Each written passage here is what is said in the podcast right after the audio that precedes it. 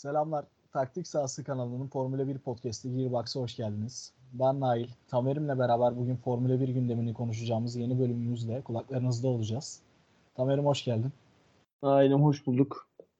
Ee, podcast çekemediğimiz günlerde neler yaptın? Böyle de sanki hani podcast'tan podcast'e görüşüyoruz, görüşüyoruz gibi oldu ama hani çok profesyonel, çok rahatsız. Abi şimdi öncelikle podcast'ten podcast'te görüşmüyoruz tabii de e, podcast çekemediğimiz günlerde ne yaptığını anlatması gereken kişi sensin. Abi benim ne yaptığımı anlatma. Öncelikle devlet sırrı benim ne yaptığımı anlatma.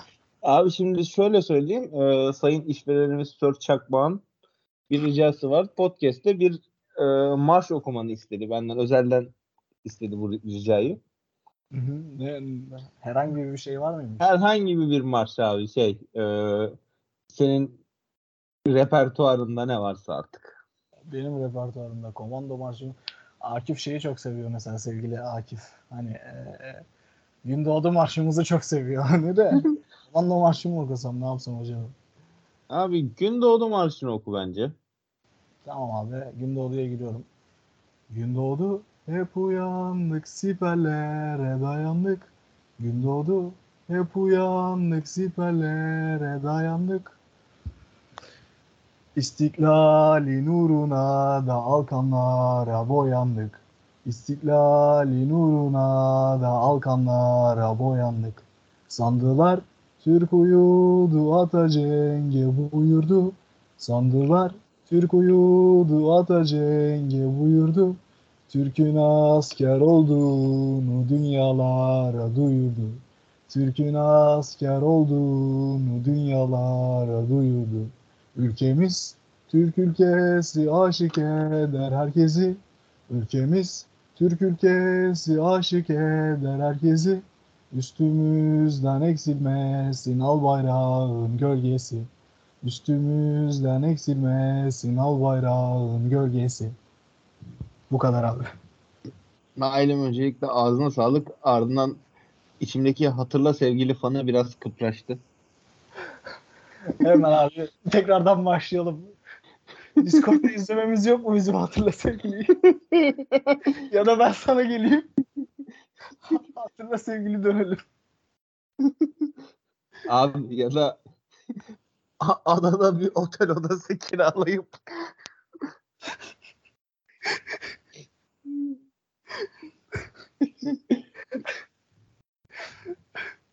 yani işte sen askerden geldin zaten biz temelde Nail askerde diye e, yapamadık. Sonra Monaco'da buradaydı. Bu, Monaco'da burada mıydın? Yok Monaco'da da askerdeydim abi. Ee, şeyde geldim Bakü'de geldim buraya. Bakü'de geldim. Bakü'de yarış günü ben Bakü'deydim. Hı hı. Ee, o yüzden hani bir iki gün sonra yapacağız dedik. Ondan sonra yarışın sonuncu sebebiyle sikerim böyle yarışın podcast'ini dedik. Ama söylemiştik daha önceden. Double DNF gelirse yokuz biz. Abi şey zaten hani e, burada şimdi Bakü'nün nasıl geçtiğini falan hafiften anlatayım. Ben cumartesi çok keyifliydim. Abi pazar günü DNF'in olduğu tur işte Sinan'a falan anlattım ben bunu. Seninle konuşurken de anlatmışımdır. Abi şey hani e, teras bir terastayım e, pistin hemen kenarında. Pistin içinde. E, işte hani terasın balkonunda oturuyorum işte bir şeyler içiyorum, bir şeyler yiyorum falan. Ondan sonra e, şeyde de böyle ses en arkada Latif vardı. Latif'i geçti. Hani ses kovalıyorum ki lök lök gelirken hani çıkacağım tekrar pistin kenarına hani kenardan tifosiliğimizi yapacağım. Abi ben çıktım kalktım işte yerimden çıktım. Verstappen geçti. Lan dedim Lan herif öyle bir sürüyor ki herhalde vura vura geçti. Abi peşine Perez geçti. Ses İyi, güzel. hızlıkları. Sonra yavaştan bir Ferrari geliyor. Lan dedim acaba Sainz'in arabayı mı Sainz'in arabayı bir şekilde yürütebildiler mi? O mu geliyor? Hala inanmıyorum. tamam mı? Böyle arkadan dumanı gördüm. Eyvah dedim. Sonra numarayı gördüm. Hani yani tabii televizyona yansımadı ama ben şey e, pit yolundan girişinden Löktür kaybolana kadar e, 45 saniye 40, 45 saniye falan galiba aralıksız küfrettim. Senin kafada Hani- şey çalıyor değil mi? Diyarbakırlıymış. Adı Bahtiyar. Hani şey öyle ama hani öyle böyle küfretmiyorum. Çünkü hani bir noktada e, hani yanımda Türk olmayan farklı milletten vatandaşlar da vardı, insanlar da vardı. Onlar dönüp ne oldu diye bana bakmaya başladılar. Hani ben bayağı sinirle hışla terastan aşağıya indim. 2-3 sigara pe- falan peş peşe yaktım. Birini yakıyorum, söndürüyorum. İkincisi sonra şey abi Polat Alemdar gibi söndüreceğim sigarayı yeni sigaranın ucuna tutup sigarayı öyle yakıyorum. Ondan sonra biraz sakinleştikten sonra şey moduna girdim zaten hani evet e, hani yurt dışındayım. Hı hı. E, çok sevdiğim bir etkinliği izliyorum. Ve yanımda insan çeşitliliği inanılmaz. Ondan sonra şey böyle abi. Aa şehir güzelmiş. Aa çok güzel hanımlar varmış burada falan demeye başladım. Hani o şeyin şokunu atlattıktan sonra çünkü hakikaten yani şey artık e, abi Hamilton'ın 7. şampiyonluğunu da doğru canlı izledim. Bunu da canlı izledim. Şimdi artık koymaya başladım. Abi sen bir müddet cansız mı izlesen acaba? Hani TV karşısında beraber mi izlesek biz ya? Hani şöyle söyleyeyim cansız izlemeyi geçtim. Ee, şey artık şu yarışa giderim planı da yapmıyorum kafada. Monza Hani dışında en- zaten gidilmez ya. Abi yok hani Monza dışında gidilmez değil. Şimdi e, Spa'yı görmek istiyorum. Monza'yı görmek istiyorum. Ya Avrupa takviminde 3-5 yarış gördükten sonra ne bileyim işte e, Amerika'sıdır, Kanada'sıdır. Avustralya hem güzel ülke hem e, pistin şey ya. etrafı falan güzel. Bak şimdi sen söyleyince aklıma geldi. Benim de Suzuka var. Suzuka'da Ya- izlemek isterdim yani. Ki abi o Japonların böyle değişik değişik şapkalı tipleri falan Japon, onların ortamı da güzel. Japonlar bir de bayılıyorlar bu spora ya. Şey e, nedir onun adı? Ben mesela oyunda Formula 1 2022'de en çok Bahreyn'i severim. Hı hı. Yani daha doğrusu 2011'den beri en sevdiğim pist Bahreyn benim oyunda. Ya Bahreyn'de canlı yarış izlemek istiyorum. Ya abi şimdi Monaco'da izlemek isterim ben de şimdi. Ama Monaco'nun yatında izlemek isterim de. ne kadar Abi gerçekleşebilir e, bir şey olduğunu.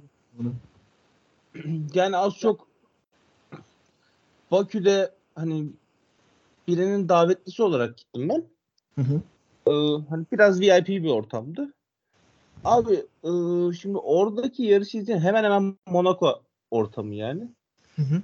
Abi o, o keyfi vermiyor cidden. Hani ben Monaco evet tarihi vesaire olarak çok güzel abi. Milletin hani evinde zengin zengin 25-30 milyon dolarlık apartman dairesinde oturan adamlar e, yatağında yarış izlerken kamerayı çevirip piste dönüyorlar falan. Abi yok İşte- yani yarış yarış dediğin pistte yapılır. So- sokakta değil kusura bakmasın kimse. Yarış dediğim pistte yapılır. Sokakta değil. Bu geçen bölümdeki kumarbaz şeyi gibi oldu. Çıkışın gibi oldu. Hatırlayabiliyor musun onu? Hatırlıyorum abi. Hatırlıyorum. Abi yavaştan o yani- zaman. Yani, Ha- yatta yarış izlemek orada asıl olay abi biz yat, yata binebilecek kadar zengin insanlar değiliz şimdi kendimizi kandırmıyoruz.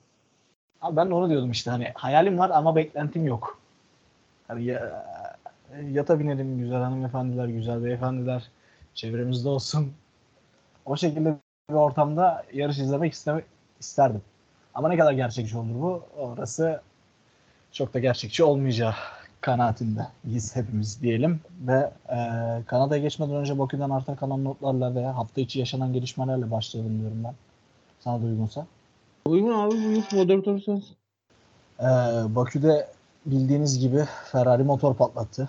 Bunun çeşitli şey, sebepleri ortaya atıldı. Onların üzerine biraz konuşalım istiyorum ben. Ee, benim aklıma yatanlardan bahsedeyim ben. Daha doğrusu benim aklıma yatandan bahsedeyim. Ee, ChronoHP.com isimli bir site Ferrari'nin motor ünitesi problemiyle alakalı bir video yayınlıyor. İşte buna göre yarış dışıların sebebi egzoz subaplarının fazla ısınma neticesinde parçalanması ve bu parçaların turboya giderek hasar vermesi. Ferrari yüksek yakıt tüketiminin olduğu Barcelona Baki gibi pistlerde yakıt tasarrufu sağlamak, diğer pistlerde de ilk evrede daha fazla yakıt püskürterek motordan daha fazla güç elde etmek amacıyla motoru soğutma evresinde daha az yakıt kullanıyor. Son evrede soğutma için daha az yakıt kullanımı sonucu motor ünitesi daha fazla ısınıyor. Egzoz sübapları hasar görüyor buna bununla beraber ve kopan parçalar da turboya zarar veriyor. Ee, abi ben şöyle diyorum eğer bu yayınlanan videodaki bilgiler gerçekse Ferrari'nin bu dayanıklılık sorununu orta vadede çözmemesi için e, 2010 ve 14 yılları arasındaki beceriksizliklerine benzer bir performans göster göstermeleri gerekiyor. Hatta yani bu çok basit bir şey. E, kısa vadede bile çözülebilecek bir sorun. O yüzden hani dayanıklılık sorunlarının Bakü öncesindeki, Bakü sonrasındaki kadar eğer bu bilgiler gerçekse çok büyük sorun yaratacağını düşünmüyorum ben şey için. E, şampiyonunun geri kalanı için. Sen ne diyorsun? Ya abi bu bence şey yani Ferrari'nin istediği en azından hani çözeriz diyebileceği sorunlardan biri ama Hı hı. ya bana çok mantıklı gelmiyor. Hmm, neden abi? Hani ya abi çünkü şey ıı, hani bir dayanıklılık sorunu olabilir deniliyordu ama bu motorların test edilirken ya bu testten geçmemiş olmasına imkanı yok. Ya benim anlamadığım noktalardan bir tanesi de o mesela özellikle sıcaklık ve ya biz seninle mesela hafta içi Bakü'den sonra konuşurken sürekli sıcaklık ve eee, şey üzerine yakıt üzerine konuşuyorduk. Çünkü zaten öyle haberler çıkıyordu. Yani benim anlamadığım noktalardan bir tanesi de hani baktığın zaman Monza gibi, Spa gibi pistler de eee, yüksek motor gücü isteyen pistler zaten yazın yapılacak. Hani sen bu motoru yüksek sıcaklıkta mutlaka çalıştırmış olman gerekiyor. Mutlaka bunun bir denemesini yapmak yam- yapman gerekiyordu ama yani anlamadığım noktalar o yani çok çok karışık bence. Hani bir şeyleri anlayamıyorum ben sürekli. En mantıklı gelen bu oldu benim kafama. Yani de- dediğim gibi bu yani çok basit bu motorlar sonuçta bir testten geçiyor. Hı hı. Yani bu kesinlikle yapılması gereken bir test.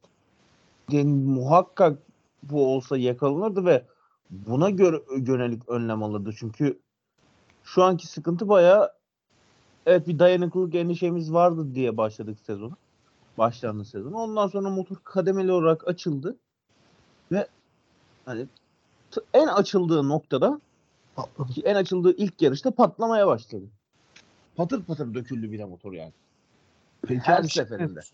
Ee, şimdi baktığın zaman Kanada'yı da geçirdik ya biz. Kanada'daki motor performansı da Red Bull'un çok da aşağısında kalır bir motor performansı yoktu. Hani zaten Amus'un haberine göre Ferrari motoru şu anda en güçlü motor hani horsepower açısından.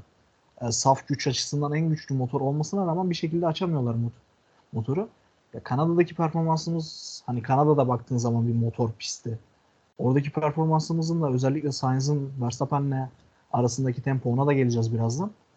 Hani çok da aşağı kalır yanımız olmadığı için Abi iki motorda sıfırdı ama Ferrari'lerde. Sainz'ın da mı IC'sini değiştirdik biz? Sainz da PU3'e geçti. Diye hatır yani IC3'ü aldı Sainz diye hatırlıyorum. Hmm, anladım. Yine de abi bilmiyorum ya hani neyse zaten ilerleyen yarışlarda mu- mutlaka göreceğiz bunu. Çok kafa Ya, karıştırıcı ya. Abi şimdi hani yüksek sıcaklıktır şeydir ya bunlar standart kalite testleridir ama Evet. cidden ya basit bir şey çıkar umarım. Abi kaliteciler patlayabiliyor ya. Neyse. Ya benim ya orada şey aslında aklıma takılan şey e, biz hafta içi konuşurken işte hani Kanada'da ceza alacak mı almayacak mı işte birinci motorun turbosu kullanılabilir falan derken şeyden bahsediyorduk hani ceza alacaksak Hı hı.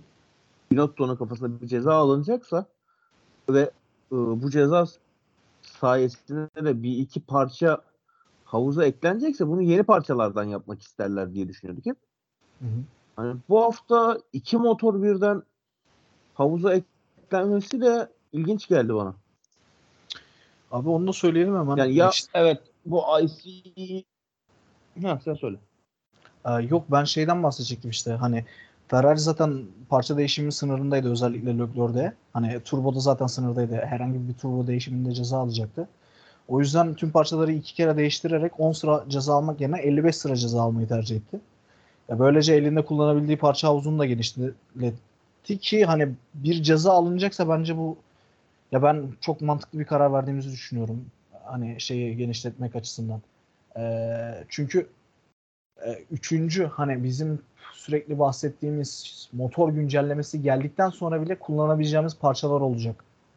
Ve sezonun geri kalanındaki ceza alma olayımızı bir noktada hani bunun önüne geçmedik tabii ki. Yeniden ceza alacağız biz ama bunları minimuma indirdik bence alabileceğimiz cezaları. Bu iki kere değiştirerek. Abi şimdi ıı, Doktor elinde iki tane sıfır motor oldu. Hı hı.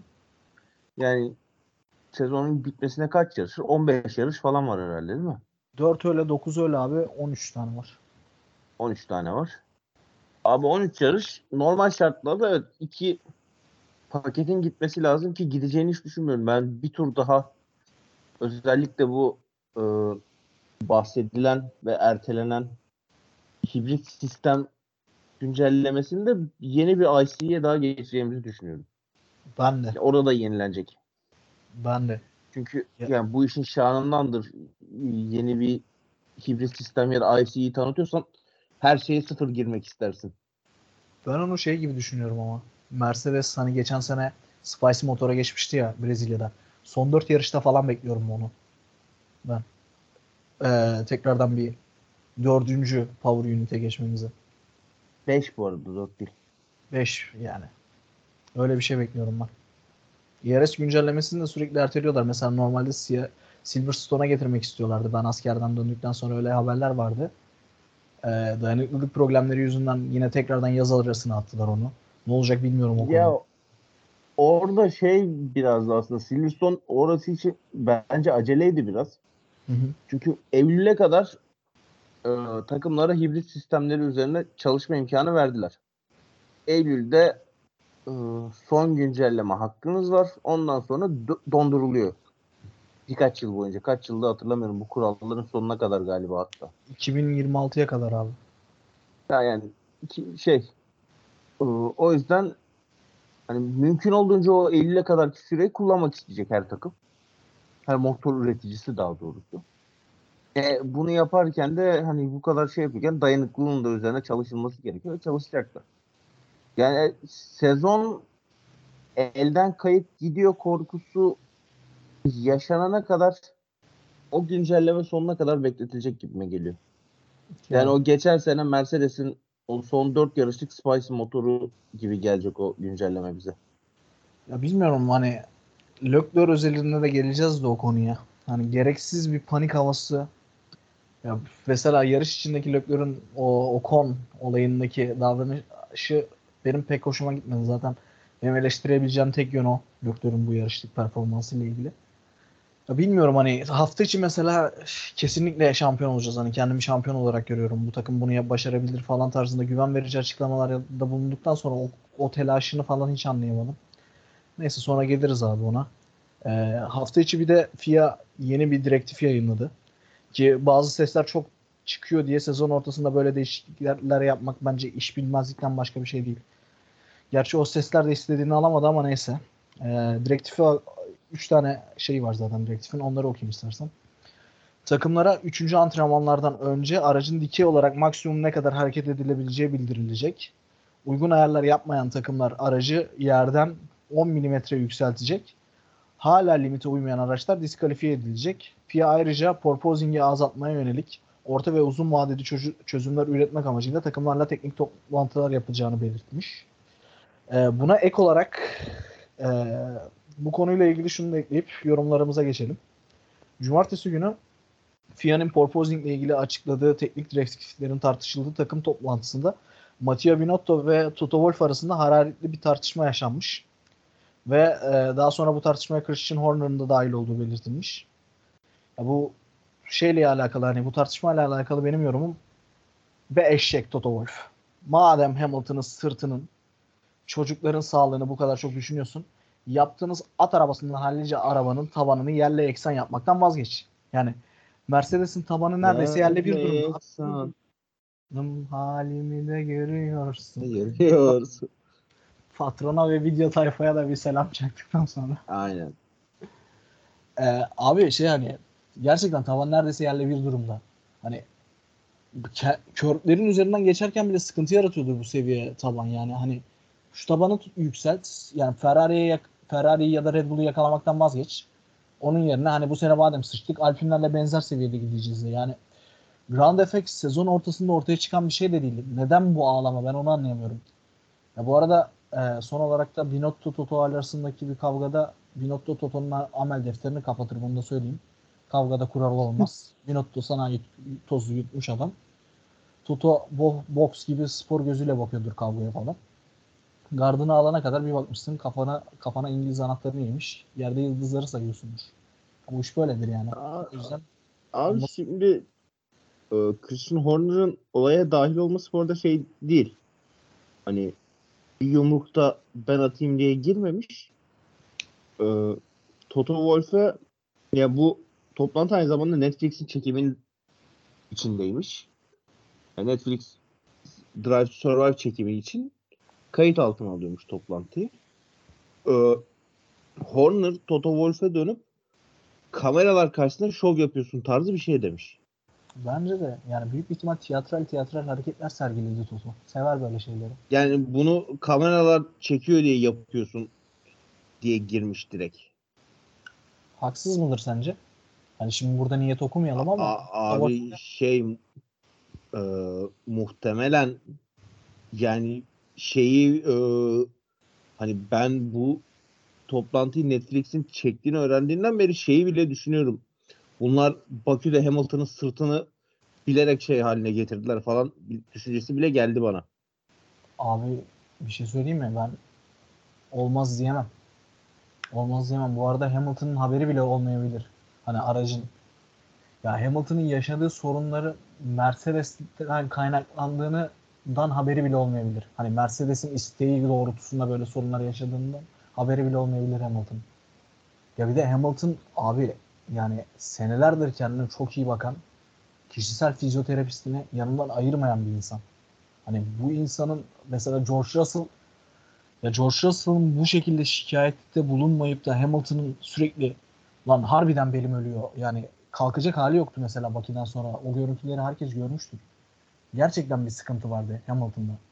Ama George'a baktığın zaman o şekilde acı duymuyordu şeyden. Hamilton kadar acı duymuyordu. Ben gerçekten bir bokluk olduğunu düşünmeye başladım. Bak sen söyledikten sonra mantıklı daha da mantıklı gelmeye başladı. Hani olmaz diyemezden yani olur demeye geldim ben direkt. Yapmışlardır demeye geldim.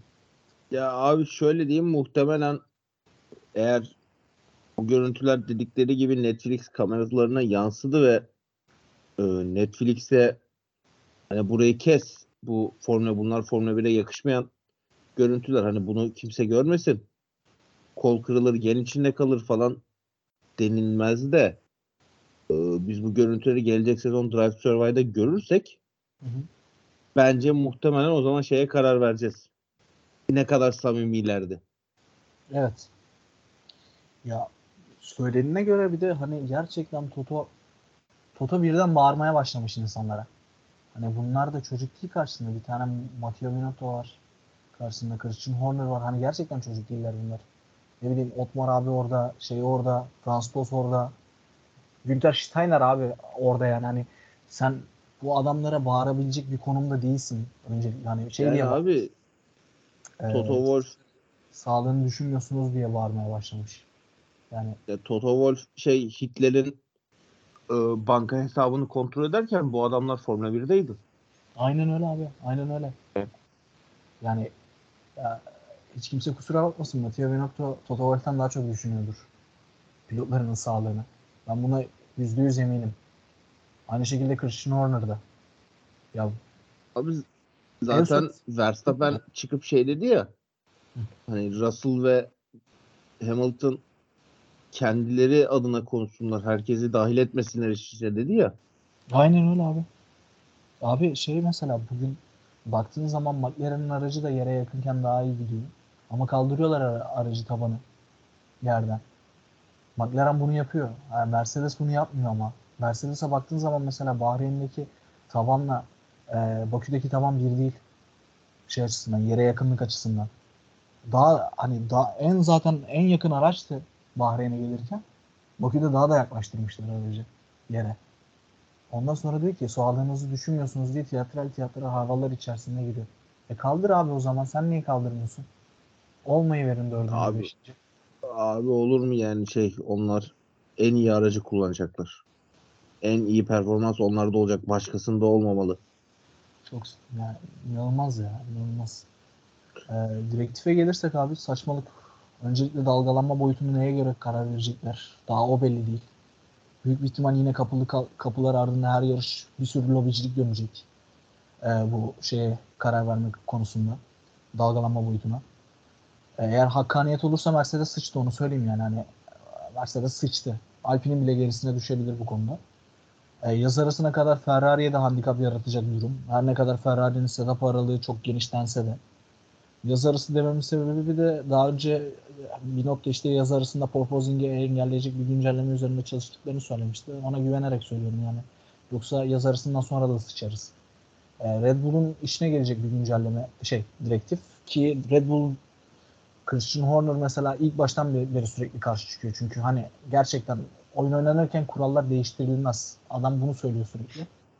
Binotto da bunu söylüyor ki çok haklılar yani. Oyun oynanırken gerçekten kurallar değiştirilmez. Grand efekti bilmiyorlar mıydı abi? Çok ciddiyim hani. E, Adrian Newey bunun üzerine çalışma yaparken aracını ona göre dizayn ederken e, James Allison neredeydi? James Allison neredeydi abi o zaman? Dönüp dolaşıp buna geliyoruz.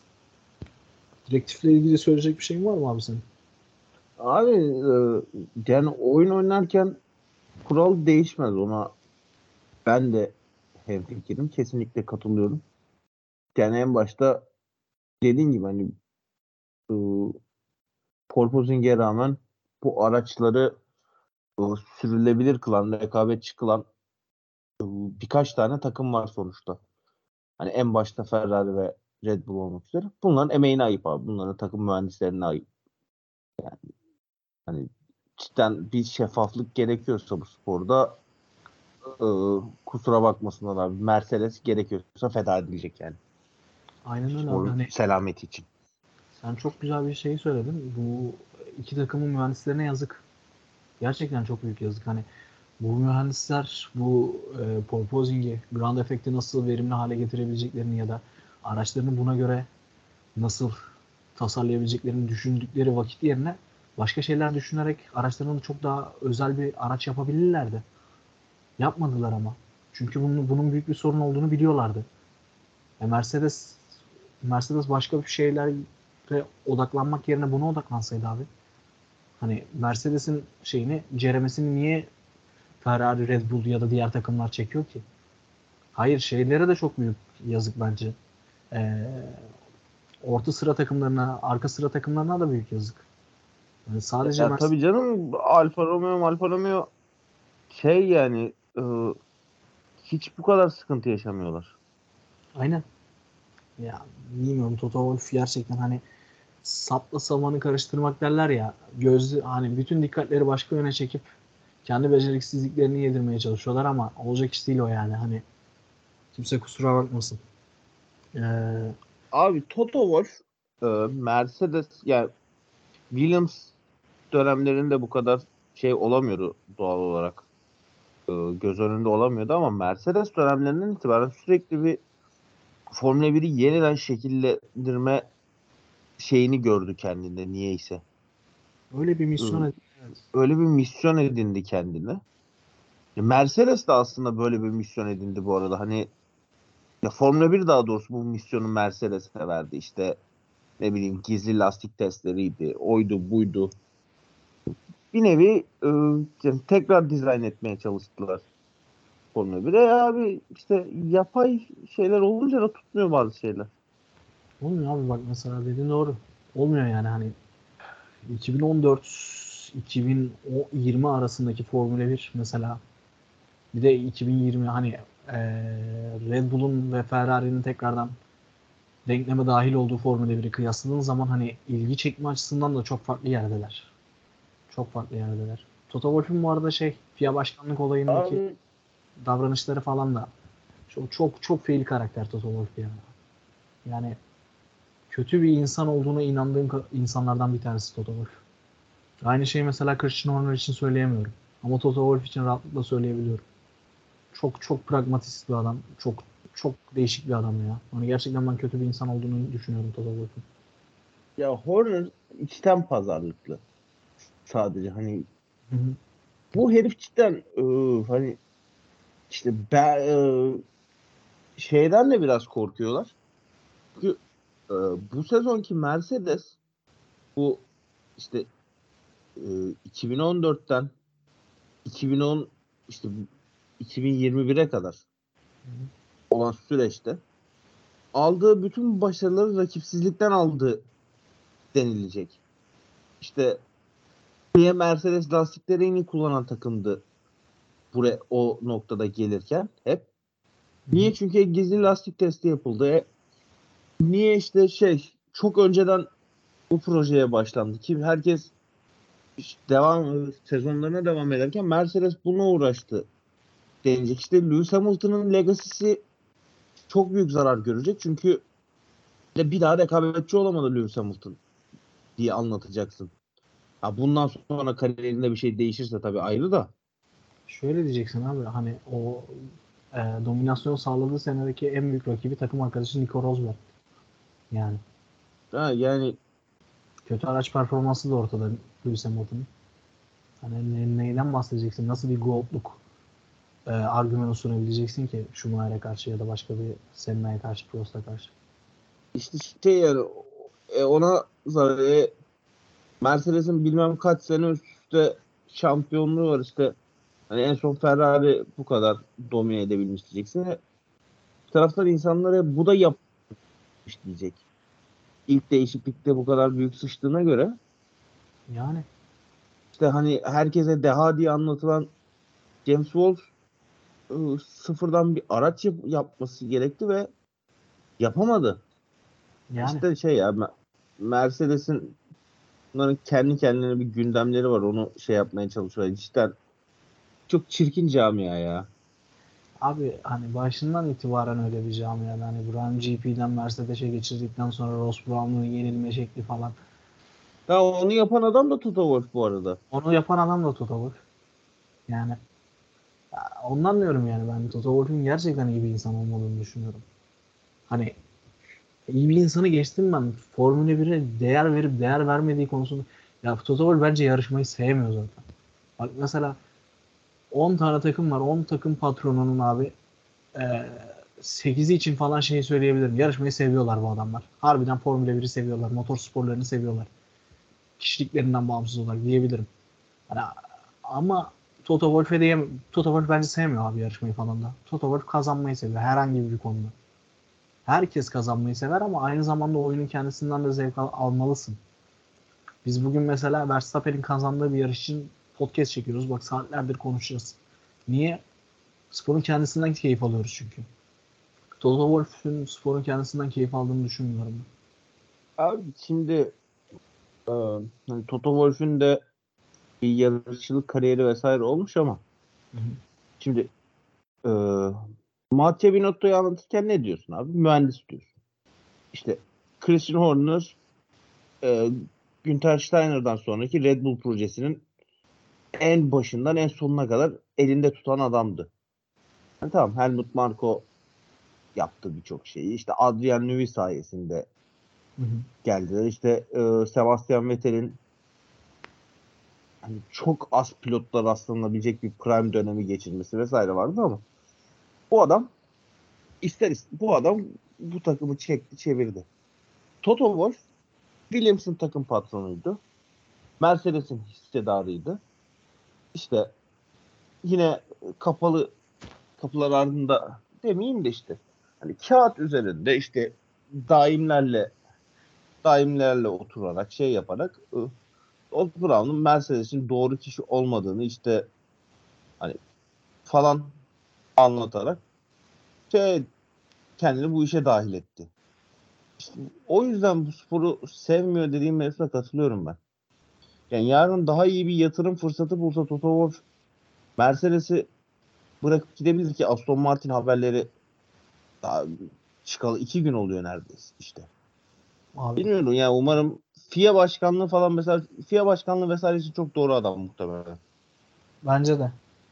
Bence de hani şey eee, şu anki zengin Arap abimizden çok daha iyi iş çıkartırdı kesinlikle. Ya da zaten ya hani- ondan kötü iş çıkartacak adam çok az zaten.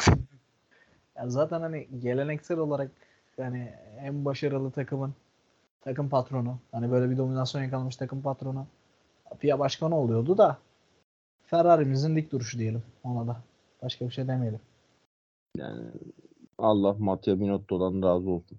Aynen öyle. Allah da Binotto'cuyum ama Allah da Binotto'dan razı olsun kardeşim. Binotto'cu olmama rağmen. Nihayet Kanada'ya geçiyoruz. Ee, klasik olarak ilk antrenman seanslarından öne çıkan notları paylaşarak başlayayım ben hafta sonunda. İşte ilk antrenman seansında Red Bull'lar çok hızlıydı. Ferrari setup seçiminden dolayı lastikleri çok çabuk bitirdiği söylendi. Ya zaten Kanada'nın Red Bull'un aracına daha uygun bir pist olduğunu düşünüyorduk. Hem biz öyle düşünüyorduk hem e, Formula 1 ka- kamuoyu öyle düşünüyordu. Gerçi yarışta aslında bunun çok da doğru bir şey olmadığını gösterdi bize yarış sonucu da. Neyse.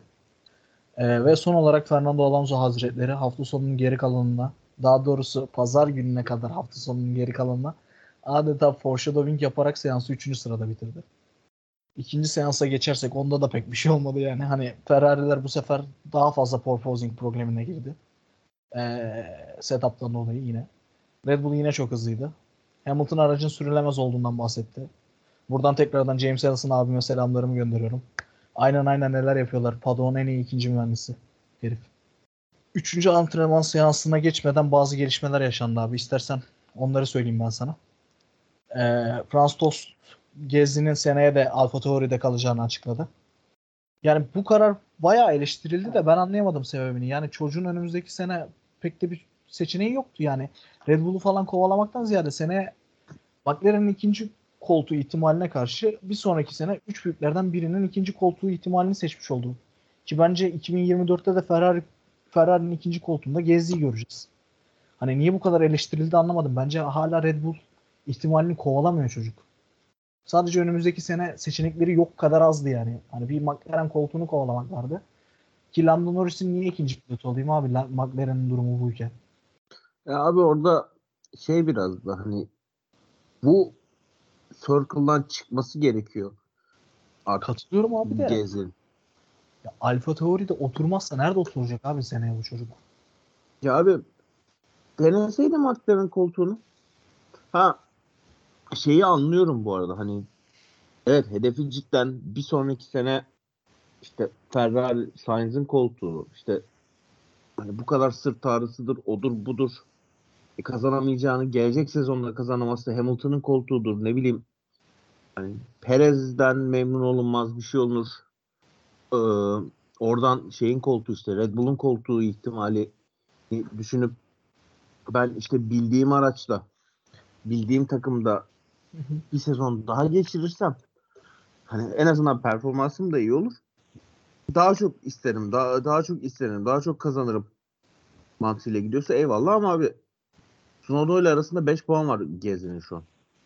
Ya katılıyorum abi ama önümüzdeki ya bilmiyorum hani ya ben sezonun geri kalanını yine bir şekilde önüne getireceğini düşünüyorum Gezi'nin. Bir sonraki sene de hani Sainz kafasıyla ya baktığın zaman Sainz iki tane standart sezon geçirdikten sonra iyi kendi standartlarında iyi bir sezon geçirdikten sonra McLaren de e, Ferrari'yi kapı attı. Ya bu adamın da hani bu haberler çıktıktan sonra bir de şey görüntüleri düştü ya. İşte Leclerc'le beraber arabadalar. Ferrari şeyi takıyor, şapkası takıyor falan. Ya ben mutlaka Ferrari ikinci koltuğunu düşündüğüne inanıyorum. Gezdi'nin. Sainz'ın da performansı bu durumdayken. Ya ondan bir de hani McLaren'in durumu bu derken ki sebebim de şuydu. McLaren cidden iyi durumda değil. İyi bir araçları yok şu anda. Ya o yüzden neden McLaren'in ikinci koltuğuna geçmek istesin ki bu adam? Bir de McLaren'in projesi de ya şimdi bazı arkadaşlarımız bize çok fazla kızacaklar. Ya da daha doğrusu bana çok fazla kızacaklar bunu söylediğim için de. McLaren'in projesi bana bir şampiyonluk vaat etmiyor abi Mercedes motoruyla. Ya o yüzden neden hani Lando Norris'in ikinci pilotu olma ya kabulleneyim ki ben kariyerimin belli bir kısmında. Çünkü hani McLaren'le bir senelik sözleşme daha ya bir senelik sözleşme imzalasa bile çok sıkıntılı bir durum. Çünkü hani tanımadığın bir takıma gidiyorsun ve hani o takım tamamen Lando Norris'in etrafında ki çocuk da hani altyapıdan çıkardıkları çocuk. Onun etrafında birleşmiş bir takım. Ya bunu tekrardan kırmak, tekrardan o takımı kendine güven hissettirmek falan bir senede olacak işler de değil. O yüzden hani gerçekten şeyse bir sene daha burada takılayım ben. Hani hazır tüm takım ya bir, Gezi'nin takımı Alfa Tauri şimdi nereden bakarsan bakalım. Hani takım da benim takımımken ben burada takılayım bir sene iyi bir performans göstereyim, standartlarımı geliştireyim. Ondan sonrasına bakarız. Seçenekler de fazlalaşabilir dediyse bence çok mantıklı karar. Ama şey hani ben bulunduğum yerde iyiyim şu anda. Bu circle'dan çıkmak istemiyorum diyorsa o da çok büyük hani senin de dediğin gibi çok büyük saçmalık ve hani Gezi'ye de yakışmayacak. Hani bir yarış pilotuna yakışmayacak bir davranış. Abi ama şimdi şu da var mesela Carlos Sainz'ı McLaren koltuğunda Ferrari koltuğunda getiren şey o Toro Rosso'dan ayrılıp işte Renault Renault'a geçişi mesela. Çünkü abi. yani Toro Rosso, Alfa Tauri abi birinin uydu takımında olduğun sürece diğer takımlar sana ister istemez iyi bakmıyor. Ya Gezin ama şeyden ayrılınca çok hani ya bu arada Renault koltuğu Renault koltuğunu bulamasaydı şey ne, ne yapardı? Onu düşünüyorum mesela. Sainz ne yapardı? Ya bu arada şey de hani 2024'te şey ihtimali de olabilir. O konudan çıkacak belki. E, Alonso da bırakacak. Piastri ile kendi şey yarışacak. Hani Gezi'yi de isteyebilir Alpi. Hem Fransız olduğundan dolayı. Ya Alp'in evet. ihtimali de var mesela. O çocuğun. Ama şu anda bilmiyorum hani McLaren dışında bir ihtimali yok önümüzdeki sene için. Bana mantıklı geliyor şeyde kalması. Alfa Tauri'de kalması hani Circle'ın içinde bir sene daha devam etmesi. Bir de 2024'te şey de olabilir abi. Çok sil baştan da görebiliriz bazı şeyleri. Abi yani ister istemez hani bu seneki Alp'in özellikle şey değil e, bir rekabetçiliği yok. Hı-hı. Hani evet McLaren, Sainz'ın McLaren dönemlerinde McLaren yarış kazanması beklenen bir takım değildi evet en azından işte podyum mücadelesinde olabiliyordu. İşte best of the rest şeyinde olabiliyordu. Şimdi rekabetten uzaklaştıkça da çok fazla şey olmuyorsun. İşte George Russell gibi, Leclerc gibi genç olmadığınız sürece diğer takımların çok da aklında olmuyorsunuz. Hı hı. Gezdi, gezdi. Ya bilmiyorum yani hani.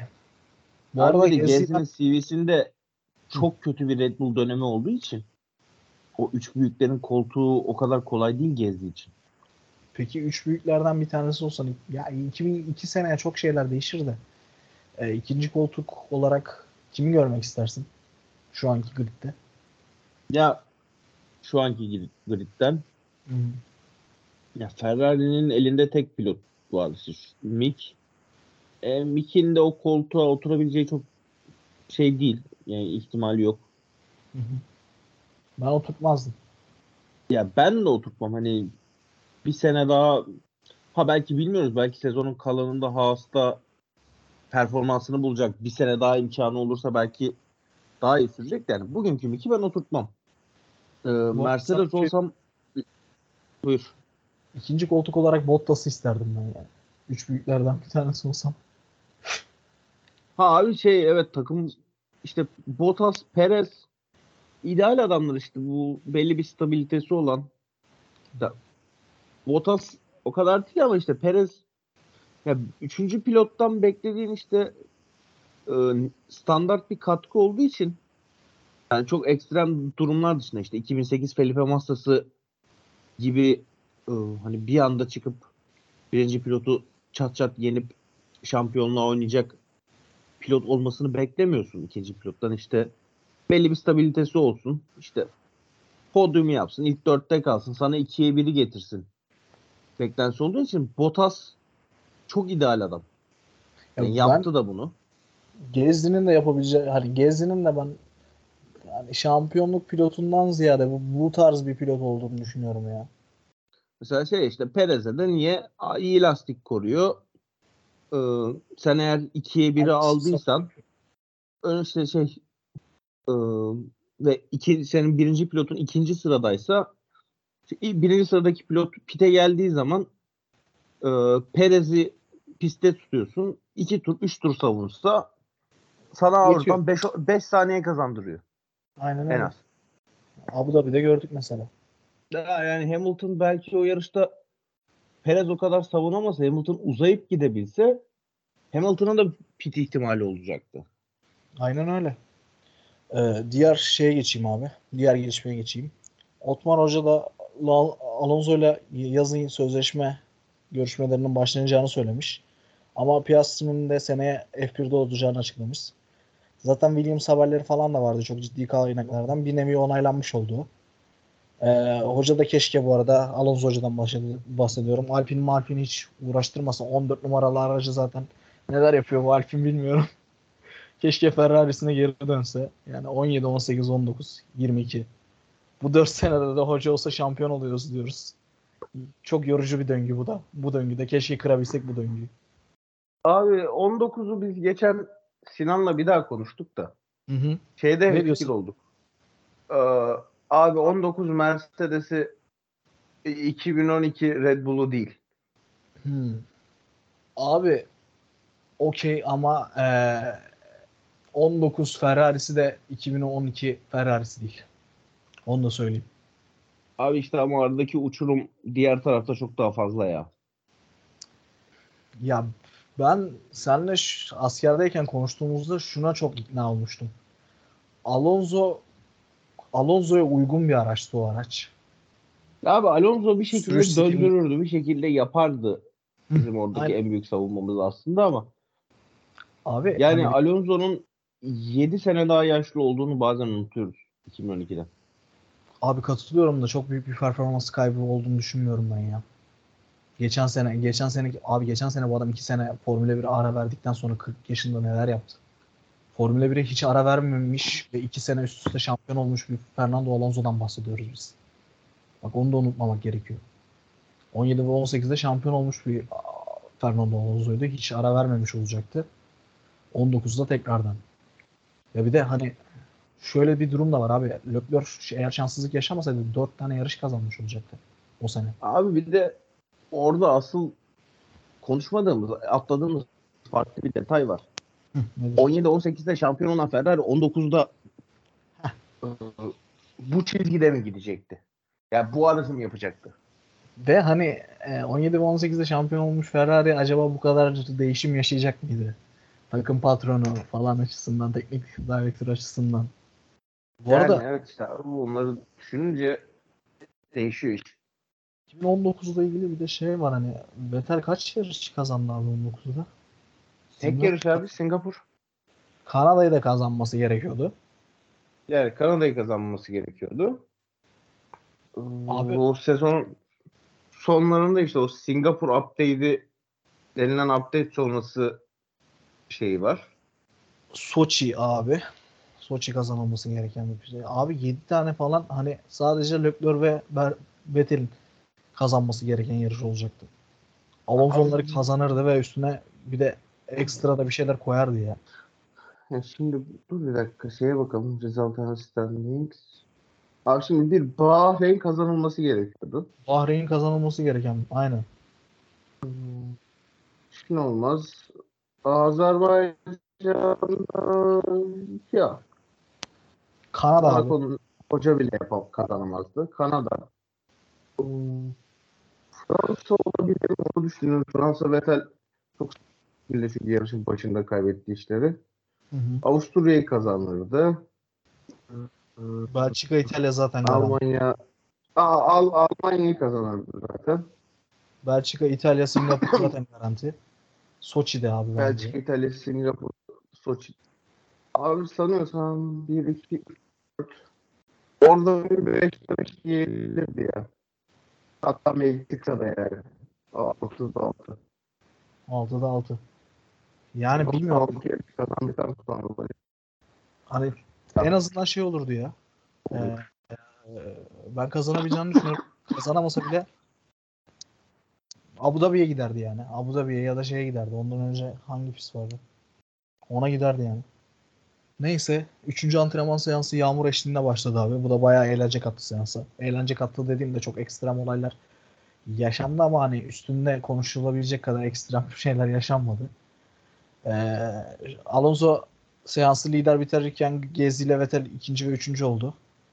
Ekstrem olaylar bunlarla hani çok büyük ekstrem bir olay çünkü Gezdi ile Vettel Q2 yapamadı. Baktığın zaman. Onun dışında uzun süre Ferrari'ler ve Red Bull'lar zaman turu kaydetmeyince liderlik yarışı izledik. İşte Magnussen lider oluyordu, Vettel lider oluyordu falan. Seansı o eğlence kattı. Ee, ondan sonra başka da bir şey olmadı zaten. Hani gerçek çarpışmaya geçecek olursak Quali'de ıpıslak bir pistte başladı.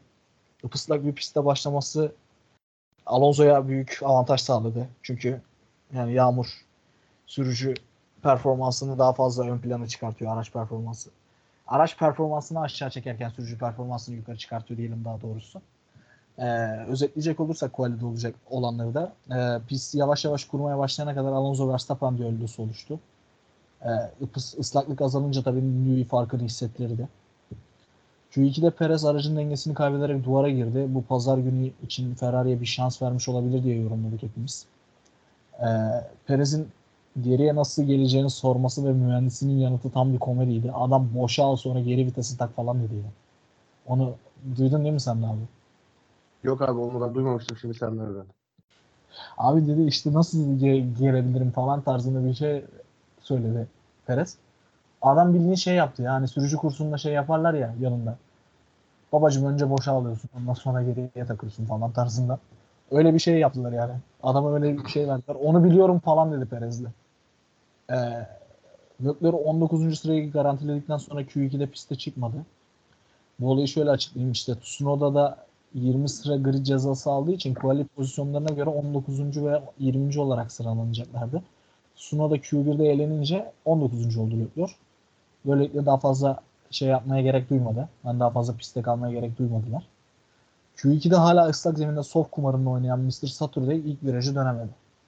Tamerim senin buna ekleyecek bir şeyin var mı? Abi o Abi buna ekleyecek çok şeyim var. Öncelikle alışmadık götte dondurmaz. ee, her her kuşu siktiğin bir leylek kaldı. Ve burada kalan yani Fernando Alonso'dur, Lewis Hamilton'dır, e, Max Verstappen'dir. Şu işte başka kim vardı abi? İşte e, babası Formula 1 tarihinin en büyük pilotu olan Mick Schumacher'dir falan. Abi bu adamlar geri zekalı. Bir sen akıllısın değil mi? Kodumun eşeği. Çok şanslı yemin ediyorum. Ha Mr. Saturday, Mr. Saturday. Gördük abi. Gördük. Bayağı Mr. Saturday evet. Ya bu çocuk hani e, ya kafasının içinde bence saman var ve buna göre bence iyi pilot. kafasının içinde saman olan bir insan bu derece pilot olmaması gerekiyordu. Olmuş yani. Çok acayip bir başarı öyküsü ya. George Russell bence. Sonra şey dedi ya e, ben her zaman liderlik için yarışmayı seviyorum. O yüzden almamız gereken bir kumardı. Pişman değilim. Quali sonrası böyle Abi bir şey bu arada evet hani o çizgi cidden kurumuş gibi geliyordu ve ben de acaba kim atacak bu zarı diye düşünüyordum. Hı hı. Ama aklıma gelen ilk üç isimden biri George Russell değildi. Ya Alonso geldi benim aklıma. Hamilton geldi. Verstappen'in atmasına gerek olmayacağını düşündüm. Sainz'ın da atacağını ya ben Alonso ve Hamilton dışında başka pilot gelmedi benim aklıma açıkça söylemek gerekirse. Abi. Alonso Hamilton benim aklıma zaten geldi ama Hı hı. e, Hamilton muhtemelen şey pist soft'un şey yapabileceği kadar kurumuş olsa bile interne daha iyi tur atacağını düşünüyordum. Ya bir de abi şey vardı mesela e, üçüncü sektörde Alonso'nun turunda mutlaka denk gelmişlerdi. Böyle bir yarış çizgisi içinde bir sur bir- birikintisi vardı. Abi yok o şeymiş. e, Neymiş? çizginin içinde değilmiş. Çizginin dışındaymış. Hı hı. e, şeyde e, yavaş hazırlık turun öncesi lastikleri soğutmak için bilerek giriyorlarmış. Ha, okey. Yok. Bu arada şey benim dediğim Şey hızlı turu öncesindeki turda değildi. Son turu atarken girdi şeyde son sektörde. Bu ikinci poli ikinci işte ilk çizgiyi aldığı turdaki şeydeydi Alonso'nun. Ee, bu arada senin dediğin büyük ihtimal doğrudur. Ha neyse abi hani e, demem o ki yine hala ıslaklık varken ve yarış çizgisi bu kadar iyi kurumamışken bilmem ya hani Sort tercih çok garip bir tercihti.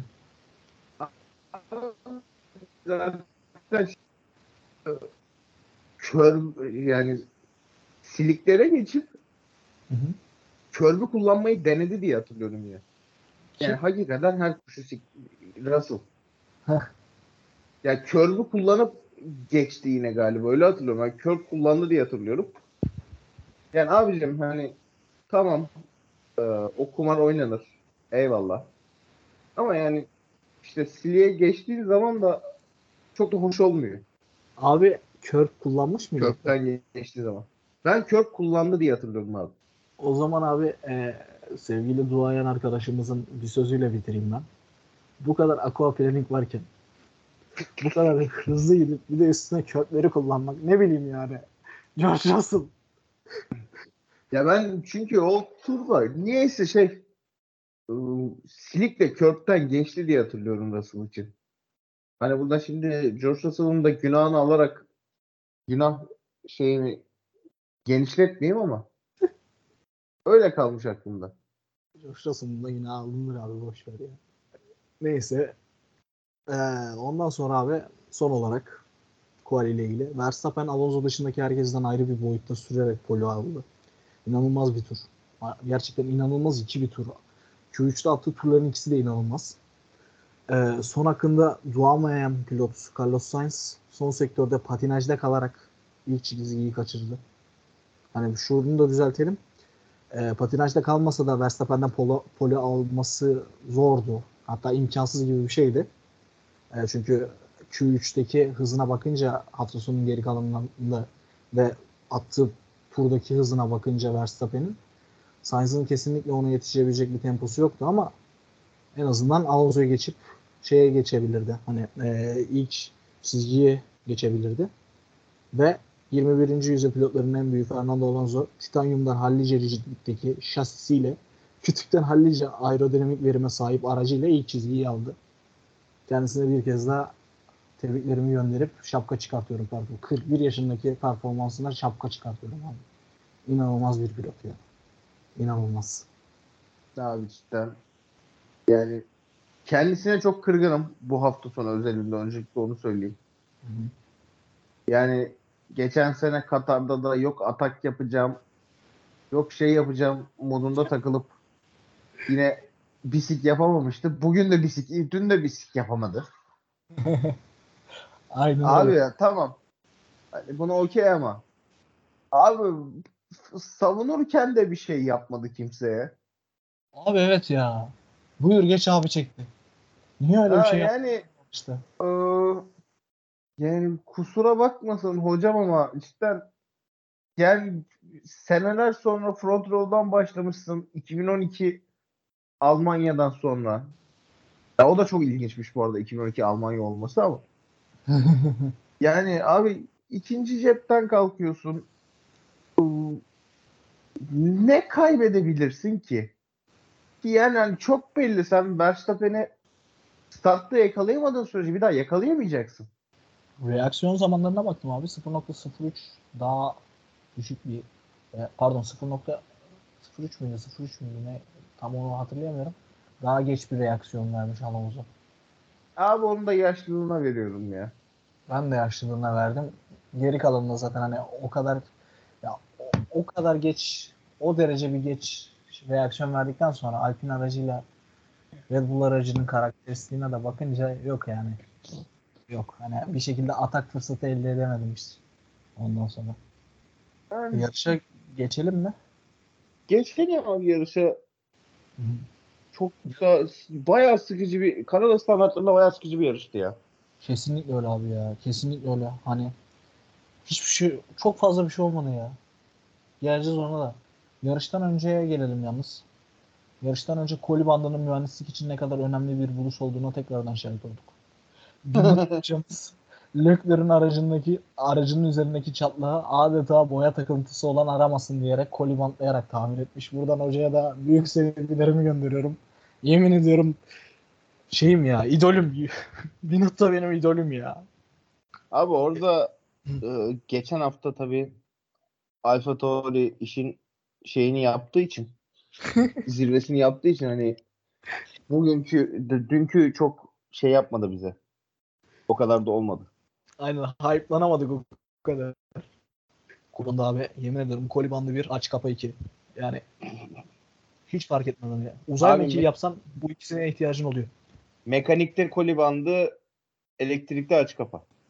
Aç kapa. Rusıl'da da bak bakalım borulara. Eee, startta önlerde pek bir aksiyon yaşanmadı zaten dediğimiz gibi. Verstappen uçtu gitti. Al- Alonso'nun reaksiyon zamanlaması bir tık geç oldu. Böylece çok iyi start alamadı Verstappen'e göre. Ama diğerlerinin de arkasında tutmayı bildi yine. Kral. Eee startta Perez 2, Leclerc 1 sıra kazandı. Onun dışında pek, pek başka bir şey olmadı diye hatırlıyorum startta. Ee, sonra Sainz'ın Alonso'yu geçmesi için 3 tur beklemesi gerekti. Araç farkına rağmen. Ve Alonso'nun hani savunma yapmama şeyine rağmen, e, mentalitesine rağmen bu yarış için. Ee, bu arada bu olaydan bağımsız yarıştan sonra Sainz övgülerini ve gömüldüğü kadar kötü değil tweetlerini okurken beyin kanaması geçirecektim. Neymiş efendim? İlk defa Verstappen'le benzer tempoda gitmeyi başarmış. O tur zamanları da hani e, VSG'ler e, safety car'lar falan yüzünden suni ama yine bakıyorsun yaklaşık tur başına 0.1 yiyor Verstappen'den. Bir tık daha iyi aracı sahip olmasına rağmen Verstappen'in aracında yol tutuşuyla ilgili sorunlar yaşamasına rağmen Abi, ha- e. Bir de şey ama hani ne yazık ki Carlos Sainz savunmuş olacağım ama savun abi. Ya- çok da uzun süre daha eski lastiklerle sürdü. Abi o zamanki tempoları benzer miydi ama? Abi yani şöyle söyleyeyim e, güvenlik aracı olmasa ve Hı hı. Sainz'in lastikler cidden düşünüldüğü gibi yarışın sonuna kadar gidebilecek olsa Sainz yarışı kazanıyordu muhtemelen. Abi ben buna katılmıyorum ya. Yani şey tamam Verstappen bir saniye bir saniye bir saniye bir saniyeyle Bir saniye çalıyordu aynen abi. geldi ama Hamilton Ee, geçti. işte Verstappen'in şeyi biraz o lastiğin tap noktası gidecekti. Katılıyorum ama abi şey hani eee safety car çıktığında 6. turda mıydı? 5. turda mıydı? Neydi? Eee Verstappen'in lastik ömrü. Ve 1 saniye çalmaya devam ediyordu tur başına. 3 saniye mi 5 saniye mi ne kalmıştı aralarındaki fark? Yok ya 9 saniyeyle falan girdi pite. Öyle hatırlıyorum ben. Tabii 9 saniyede falan girdi de hani 6 tur boyunca sürdü ya abi. Hani 1 saniye 1 saniye 1 saniye çalıyordu yani. 3 3 müydü 5 miydi neydi? Şey safety car çıktığında. Kaldı ki Sainz'ın lastikleri de çok çok eskiydi. Hani Verstappen bir noktada her türlü geçecekti Sainz'ı. Bence. Ya bilmiyorum neyse. Hani ölmüşle bitmişe çare yok. Ya zaten abi bunlar çok da önemli değil. Hani benim takıldığım nokta şu. Herif Kanada'da. Bak Kanada'dayız. Düzlükte. Ya Kanada'da olmamızı şöyle söyleyeyim ben. Hani Leclerc motor değiştiriyor. Hani ceza alıp almayacağıyla ilgili burada bu pistte geçiş çok rahat olabiliyor. Hani bunu değerlendirebiliriz tarzında bir açıklama yaptı. Ta Cuma günü, Perşembe günü. Hani Abi Kanada'yı oradan anladım. yalnız, e, Cuma günü Leclerc geçiş hiç kolay değildi dedi. Onu demesinin sebebini de şey dedi ama sonra da. Hani eee, motorla ilgili hani bu değişiklikleri son dakikaya kadar saklamamız gerekiyordu falan dedi. Ben ona yordum ya. Neyse. Eee, ama şeyden de biliyoruz. Hani biz biliyoruz Kanada'da geçişin olduğu bir pist olduğunu Kanada'nın. Bariz Yani, yeni lastiklerde Kanada'da abi. Üç kere atak fırsatı bulup hiçbirini tamamlayamadı herif. Üç kere atak fırsatı buldu. Ve hani bir tık iyi araçla. Ve o sırada şey Verstappen radyodan şey diye söyleniyordu.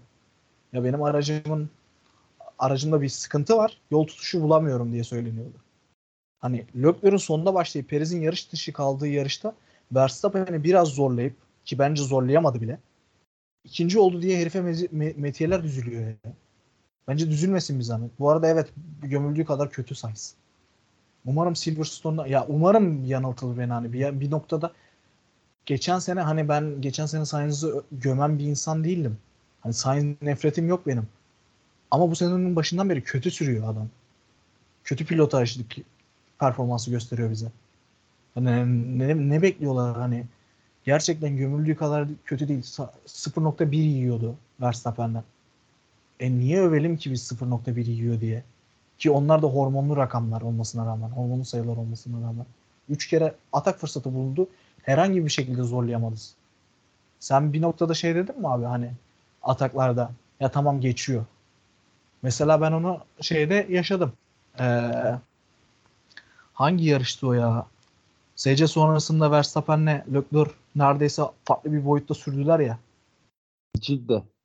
Yok yok Cidde'den sonraki bir yarıştaydı. Barce Barcelona'dan önce işte. Avustralya? Yok yok hemen önceki yarış ya. Bizim son yaptığımız podcast. Abi Imola mıydı? Yok yok Imola, Imola'dan sonrası ya. Hangi podcast'i yaptık bizim son? Dur Abi bakayım. dur. Yani şeyi açacağım. Takvimi açacağım. Cidden aklıma gelmedi. Barcelona, Miami Miami, Miami. Güvenlik aracı girdikten sonra bunlar ba- bambaşka bir boyutta sürmeye başladılar. İki kere atak fırsatı oldu Leclerc'ün. İkisinde de tamamlayamadı ama ben bir noktada dedim hani bir yerde geçecek.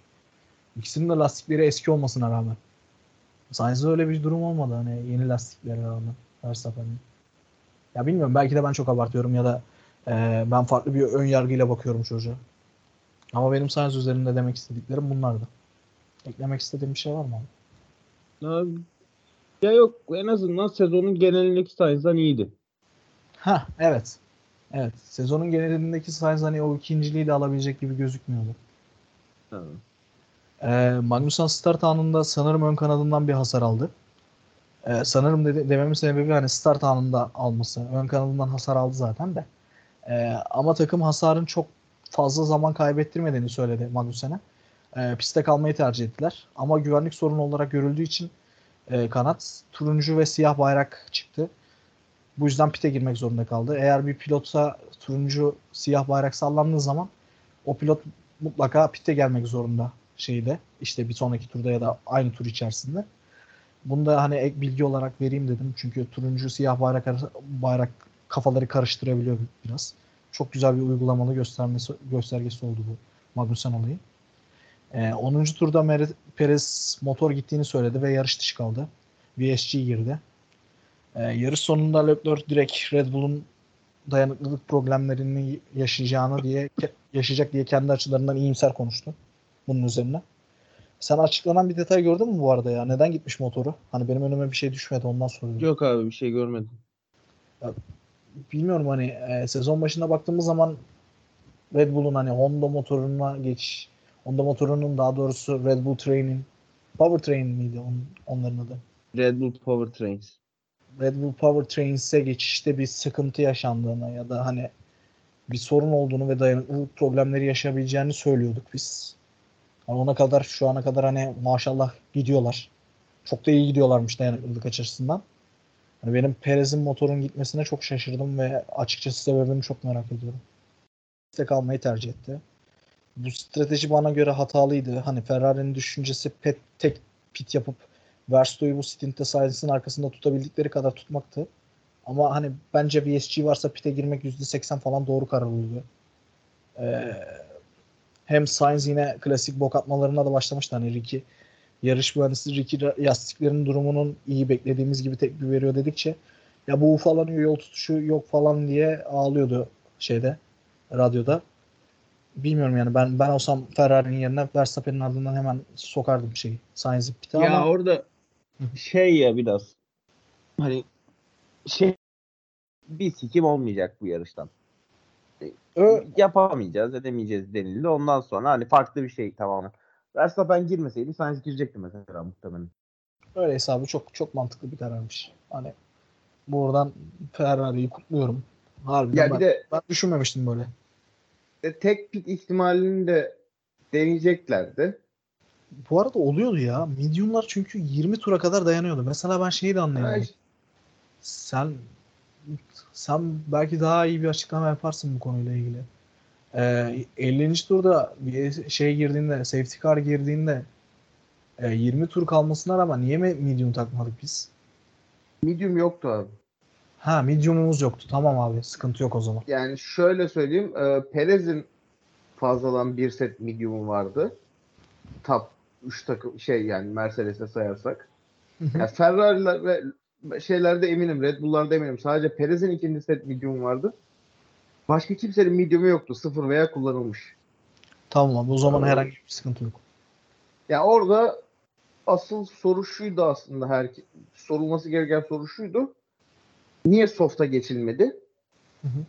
Ee, Onu da dün mü bugün mü ne hani konuşurken söylemişler hani güvenlik aracının bu kadar uzun kalacağını beklemiyorduk. Hani yarışın bitimine 15 tur muhtemelen güvenlik aracı 2 tur falan sonra çıksa soft kumarını atacaktı Ferrari. Hı hı. Ama şey e, çünkü 20 tur dayanıp dayanmayacağı soft'u bilinmiyordu. Çünkü ya sıralamada kullanamadılar. Yarışta kimse soft kullanmadı. Bir de e, orada yani. he- bir de şey e, hani Sainz'ın 10. turda graining başladı dedi. Ondan sonra zaten hani hem Red Bull'lar hem, hem Verstappen özelinde hem medium'u çok erken yedi hem hard'lar Red Bull'da beklendiğinden fazla gitti. Ya mesela Leclerc'ün şeyine bakınca, stintlerine bakınca e, çok rahat tek pit gidebiliyormuş. Yani önde olsa da tek pitte bitirebilirmiş gibi duruyor. Abi ona geleceğiz ya. Ona geleceğiz. Benim Ya- Leclerc'le ilgili en büyük problemim o. Yani muhtemelen e, şey olsa eğer işte bir 5 tur sonra safety car çıkmış olsa e, Ferrari soft kumarını oynayacaktı. Ee, sen buna Red Bull'un tepkisi nasıl olurdu diyorsun? Red Bull'un elinde var mıydı soft? Abi soft herkeste vardı. Sıralama yapılmadığı için. Hı hı. Abi Red Bull da oynayacak, oynayabilirdi de e, o zaman da şu oluyor. E, Verstappen'e Sainz'ı piste geçirmek zorunda kalıyorsun. Doğru. Yani Ama- ben şahsen şu pistte Verstappen'in savunma yapmasını isterim. Katılıyorum Red. Bull'un yerinde olsam. Sainz içeri girdiğinde Verstappen liderliği alacaktı. Ha, Sainz de şey dedi ıı, Soft'la ilgili. Hani evet güvenlik aracı periyodunun bu kadar uzun süreceğini bilsek Soft'a geçebilirdik. İşte Sa- ıı, Verstappen lastiklerini ısıtana kadar ben soft Şöyle. lastikleri daha fazla ısıtıp hız farkıyla geçerdim. Ben bu arada şey ama e, dediğin gibi Verstappen'in savunma yapmasını isterdim bu pistte. Ama e, Sainz'in arkasında çıkarmayı da çok büyük bir kumar olarak görmezdim. Alırdım Verstappen'i içeri. Abi arkada çıkmak ister istemez e, riskli bir durum. Öbürkü türlüsü daha riskli gibi geliyor bana. Çünkü hani dediği gibi Sainz'ın lastikleri ısıtana kadar e, Sainz olsa bile geçebilir diye düşünüyorum ben.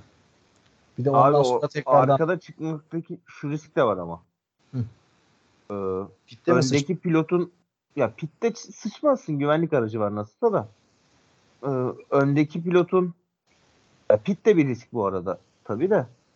Sainz'in nasıl savunma yapacağını da düşünemiyorsun bir taraftan. Ya belki Verstappen çok mana şey bir yerden kafayı soktu. Sainz de ben orayı kapatırım dedi. Ha bak o da var. Doğru söylüyorsun. Sonra sıkıştırdı duvara. Ya yine de bilmiyorum ya hani. Ben alırdım ya. Ben alırdım. Hala ben alırdım diye düşünüyorum. Ya bu arada Leclerc falan olsaydı almayabilirdim. De Sainz abi ya. Bilmiyorum yani hani. A- Çünkü ya Sainz'ın savunma geçmişi de pek parlak bir geçmiş değil ya. Şimdi aklıma ilk gelen 2021 Macaristan. Fernando Alonso'nun 12 tur boyunca arkasında tuttuğu Hamilton'ı bir tur boyunca arkasında tutamayan bir pilottan bahsediyoruz. Ve hani şey değil, şey diye diyemez yani hani biz aynı yarışımız değil falan da diyemez yani. Bildiğin aynı yarışta yarışıyorlardı. Hamilton'la Sainz o şeyde, o sekansta. Hani Sainz o, se- o şeyde podyuma çıkmasının sebebi Vettel'in ceza alması. Podyum için yarışıyordu Sainz.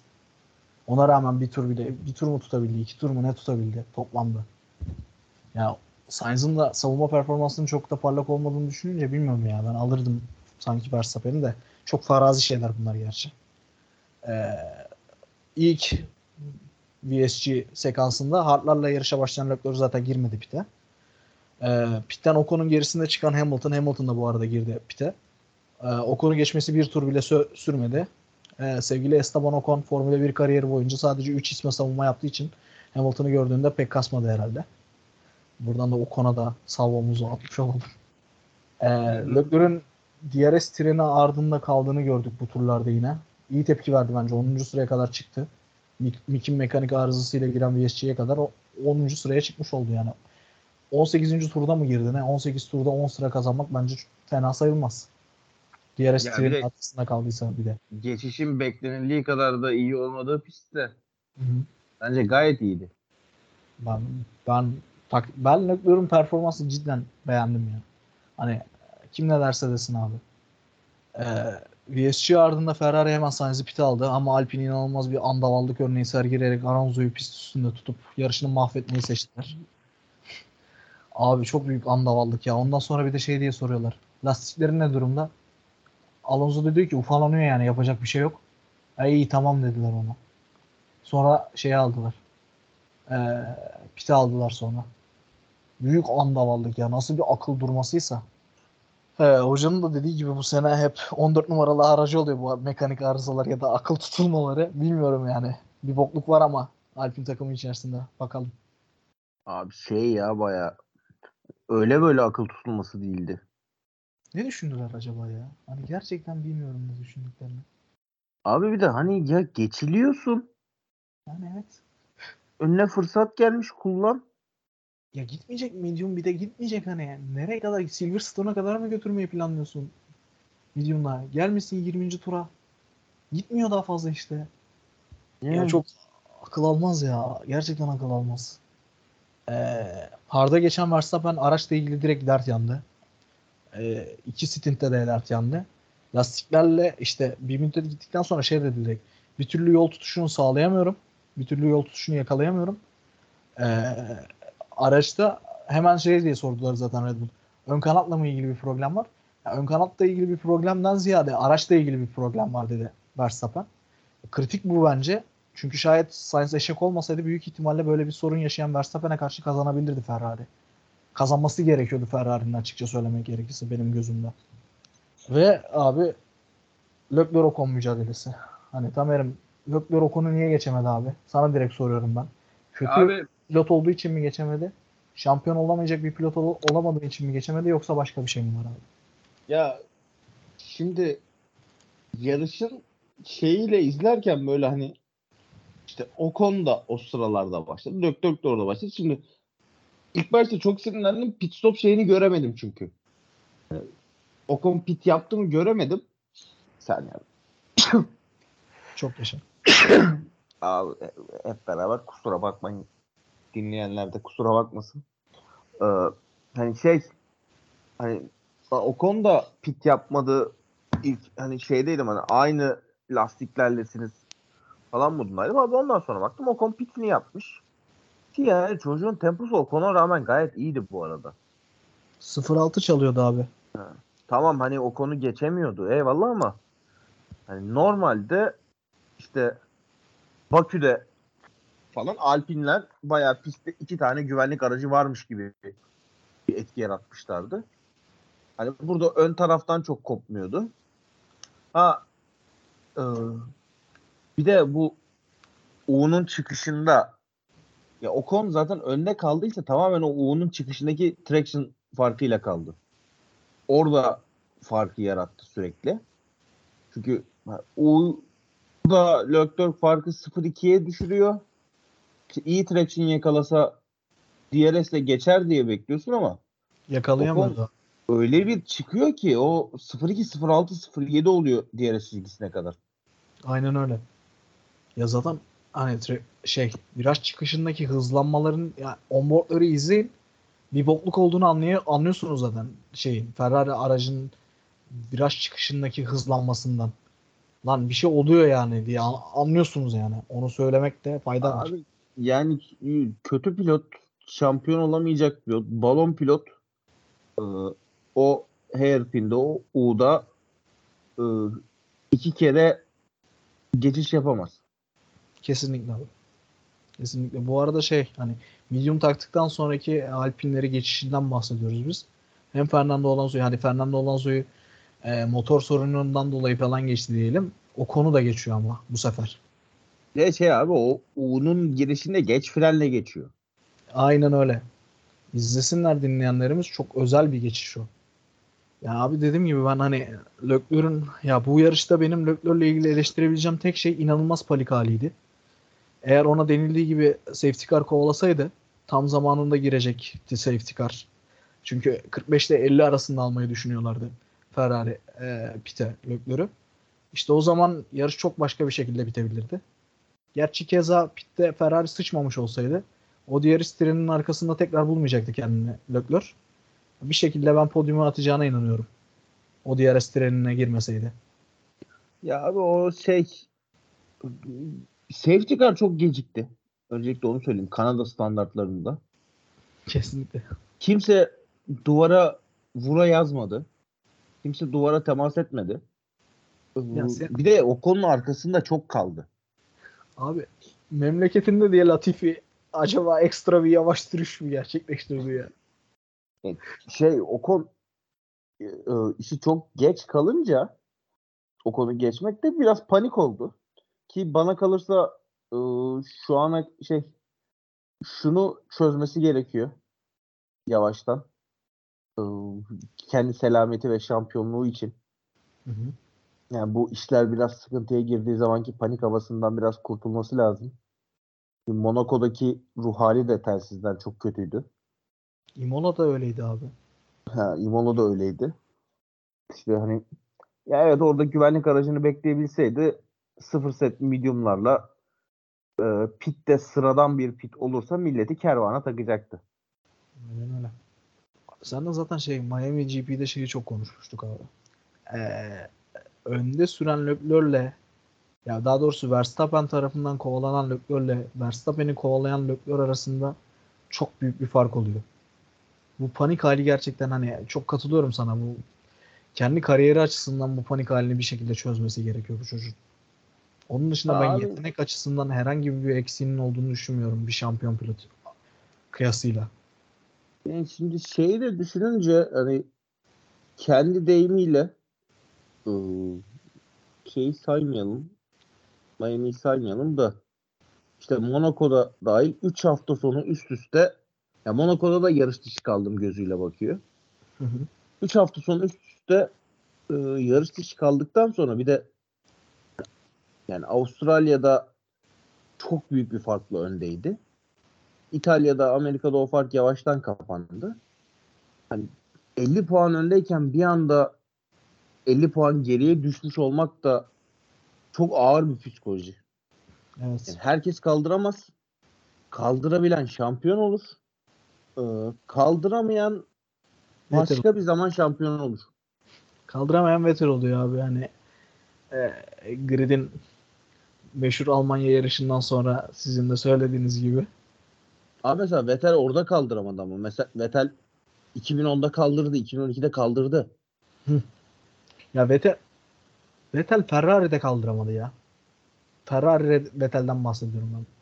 Ferrari Vettel Abi- sıkıntılı bir Vettel'di ya. Yani Şey ya, ıı, bu forma kutsaldır. nasip, Nasip olmaz herkese. ağır ya. Ağır bir tulum. Ağır bir araba. Kolay değil ya şeyle. Hani Michael Schumacher'in gölgesinde sürmek kolay değil gerçekten. Ya bunu ben Vettel için de zamanında söyledim ama e, şeyin yine Vettel için söyleyeyim. Şeyin meşhur bir sözü var. LeBron James'in Chicago'lu bir hayaleti kovalıyorum diye. Aynen. Yani Vettel de Köln'lü bir hayaleti kovalıyordu. Ferrari kariyeri boyunca. Abi Ferrari kariyeri boyunca o Köln'ü hay- hayaleti kovalamayan tek bir isim vardı bence. O da zamanında zaten o herifle yarışmış ve hani bir şekilde o Abi o da o da kovaladı. O da kovaladı. O da mı kovaladı diyorsun sen? O da kovaladı abi. Zor abi zor ya. Michael Schumacher baskısı çok zor bir baskı. Bir, bir şampiyon olabilsek rahatlayacağız da işte. Sıkıntı ya. Sıkıntı. Gerçekten.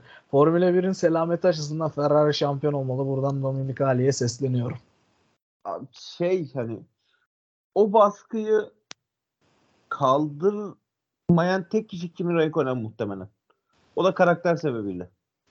O da zaten ilk şampiyonluğundan sonra götü başı dağıtmış bir insan olarak. Ya, ya mesela şey e, Rob Smedley işte Massa'nın eski takım yani eski Ferrari takım mühendislerinden biriydi. Sonra Massa'nın yarış mühendisi olmuştu.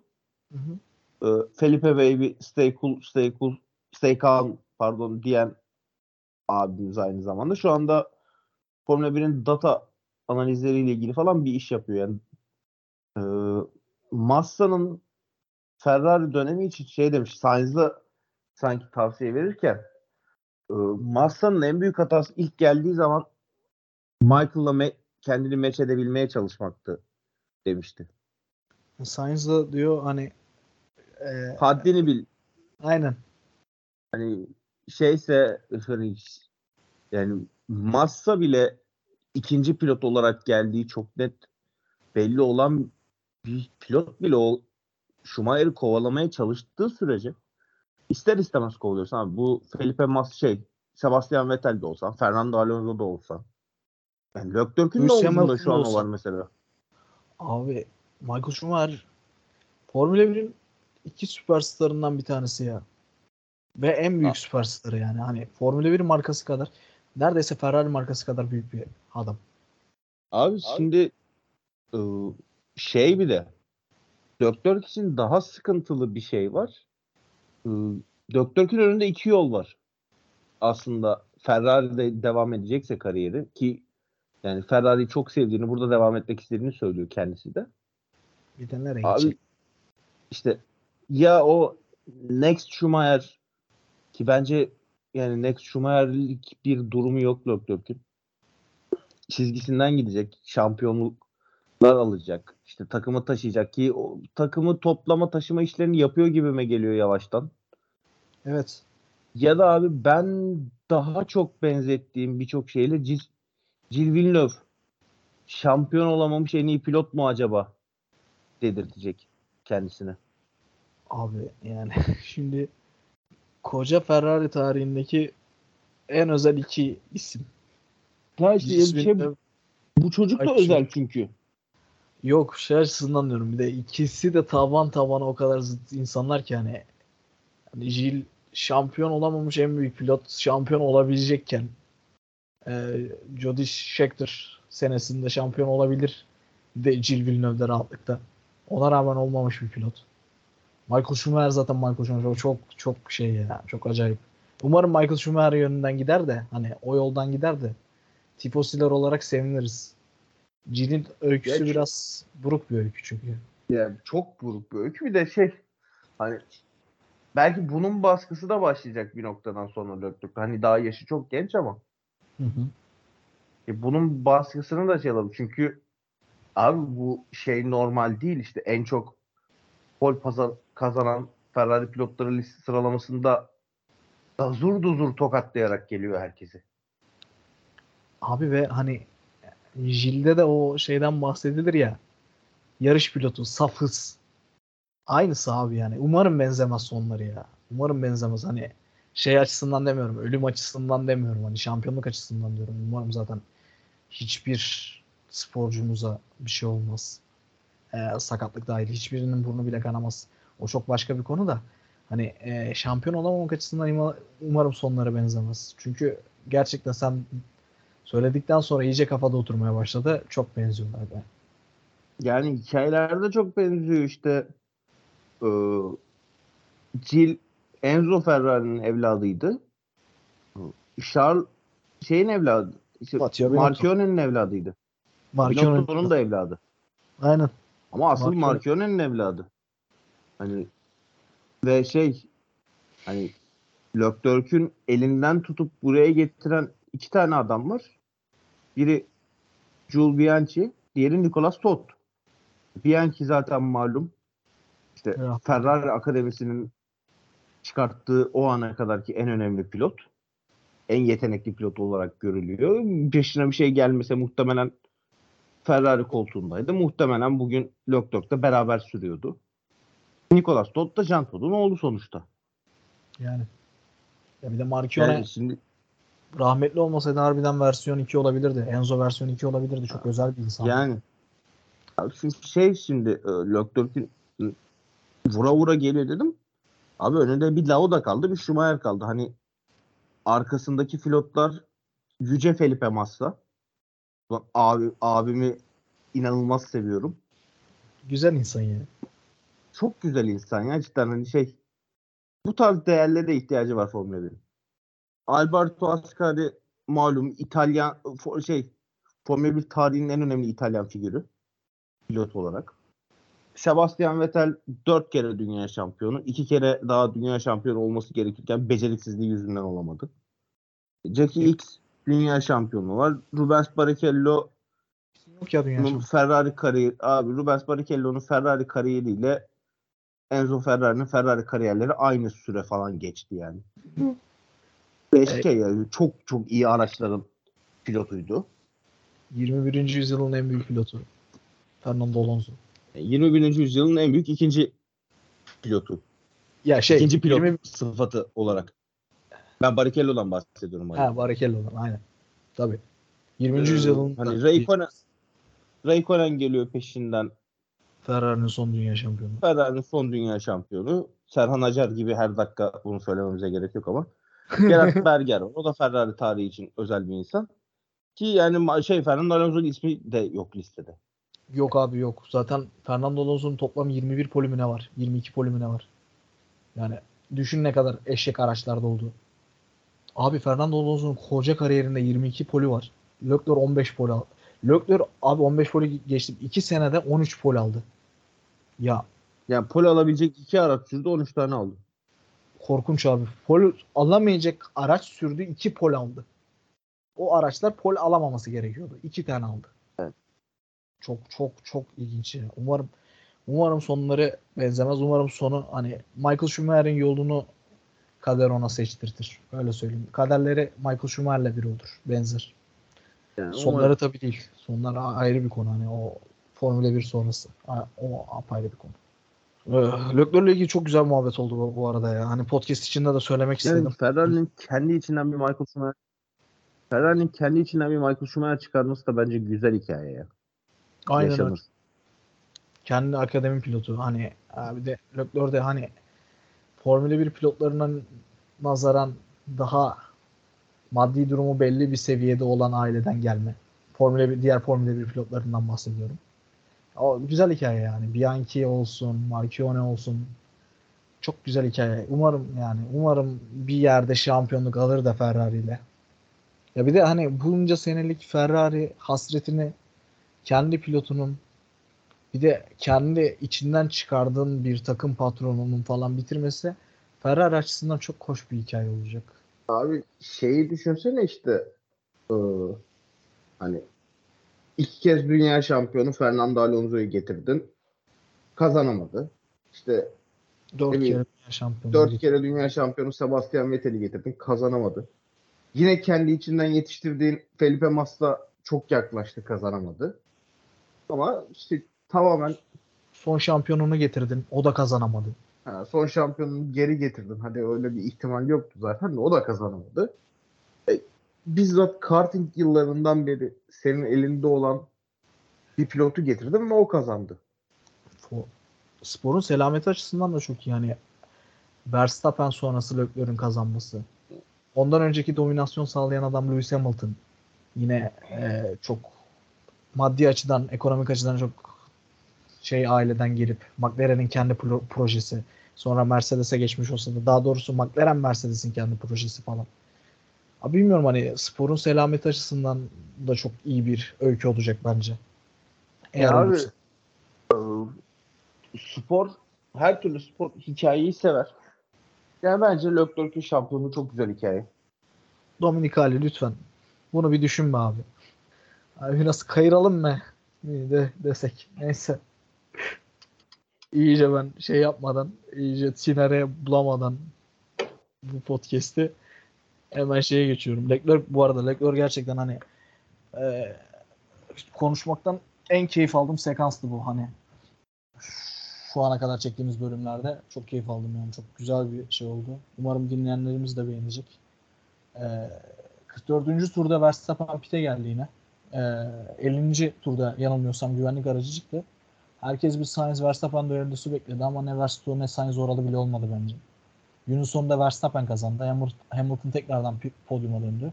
Leclerc 5'e kadar çıktı. Sürücüler sıralamasında da Verstappen Leclerc farkı 49'a kadar çıkmış oldu.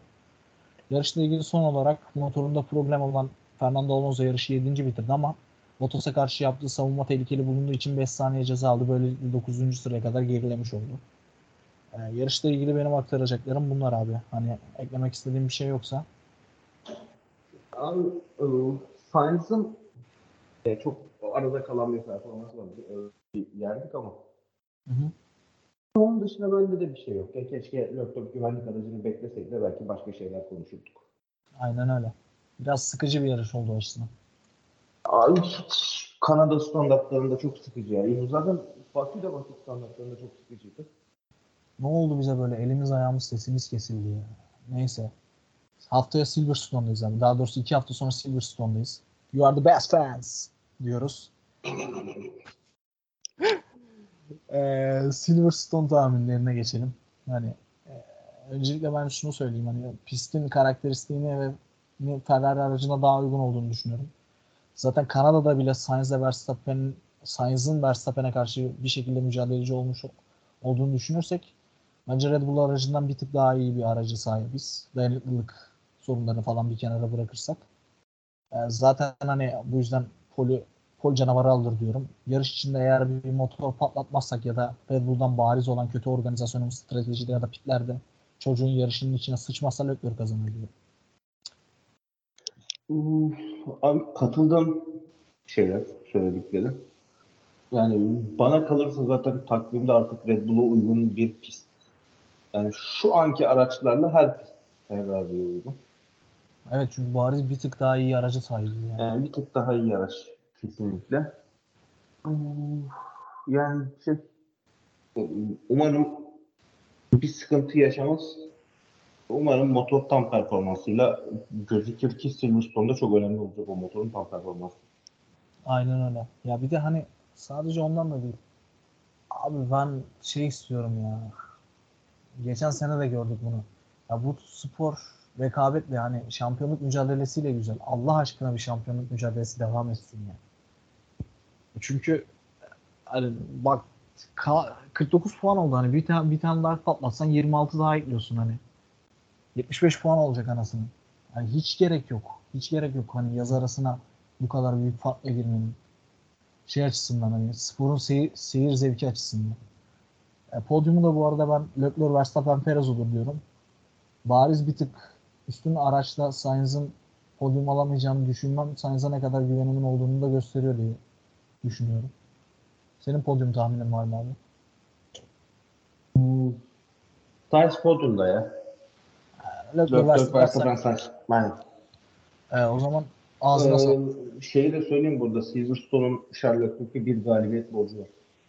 net bir galibiyet borcu var. FIA'nın da bir galibiyet borcu var Silverstone'dan. Onu da eklemeden geçmeyeyim. Hani 10 saniye ne yapıyorsunuz abi çocukluk anlıyorsunuz ya. ha, 10 saniyeyi geçtim hani. O, bu arada Silverstone'da yapılan şey çok doğru bir şeydi. Ee, ne diyeyim artık ona? Tam ismini bulamıyorum. Ee, o kaza olur olmaz kırmızı bayrağı çıkarmak çok doğru bir karardı. Ama daha öncesinde böyle bir karar olmuyordu. Çünkü ne nasıl bir kaza çıkarsa çık, yaşanırsa yaşansın iki tur attıktan sonra kırmızı bayrak çıkartılıyordu. Safety car ardından sarı bayrakta iki tur ardından attıktan sonra Silverstone'dan sonra da böyle oldu. Ne hikmetse abi Silverstone'da yarış hakemlerimiz karar verdi. Doğru kararı uygulamaya karar hani doğru ya, doğru olanı yapmaya karar verdiler. Ondan sonra bir daha yanlış yaptılar. Ondan önce de yanlış yaptılar. O yüzden çok garip hani. O, o çok garibime gitmişti. Bu arada şey gibi gelecek insanlara. Hani doğru olanı yaptığı için eleştiriyoruz eleştiriyorum gibi gelecek ama hani ben tutarsızlıktan bahsediyorum. O, orada niye öyle oldu? Daha sonra niye öyle olmadı? Madem orada yaptığınız doğru olanı devam ettirin. Oradan sonra da olmalı yani. Abi oradan sonra olmamasının sebebi de biraz şey çünkü Silverstone'dan sonra çok fazla e, Mercedes'in yararına olunca bu iş. Hı hı. Yani bir de hani o sezon Imola'da da yine bir kırmızı bayrak olayı Hamilton'ın yararına işliyordu. Aynen öyle. Ee, İşte bunlar peş peşe olunca biraz da şey çekingen kaldılar gibime geliyor. Keşke kalmasalardı abi yok. Dediğim gibi Fia'nın ve Silverstone'un Charlotte'lere bir galibiyet borcu var. Umarım ödenir. Borç ödenir iki hafta sonra. Diyelim ve ağzına sağlık Tamer'im. Eklemek istediğim başka bir şey yoksa bölümü yavaştan kapatıyorum. Abi e, 49 da kapanır 149 da yeter ki biz kazanalım. Ya sen Ferrari'nin Fatih Terim'isin be adam. Ben bir podcaster değilsin. Sen Ferrari'nin kendisisin. Tifosi'nin kendisisin. Öteki emeğe bürünmüş abisin. Abi ben Ferrari logosundaki şahlanan at olmak istiyorum. Abi ben de Ferrari logosundaki sarı kırmızı renkler olmak istiyorum. Ee, sevgili dinleyenlerimiz bizlere bu bizlerle beraber bu yarış hafta sonunun da üzerinden bir kere daha geçtiğiniz için sizlere çok teşekkür ediyoruz. Tekrardan görüşmek üzere. Hoşçakalın. Hoşçakalın.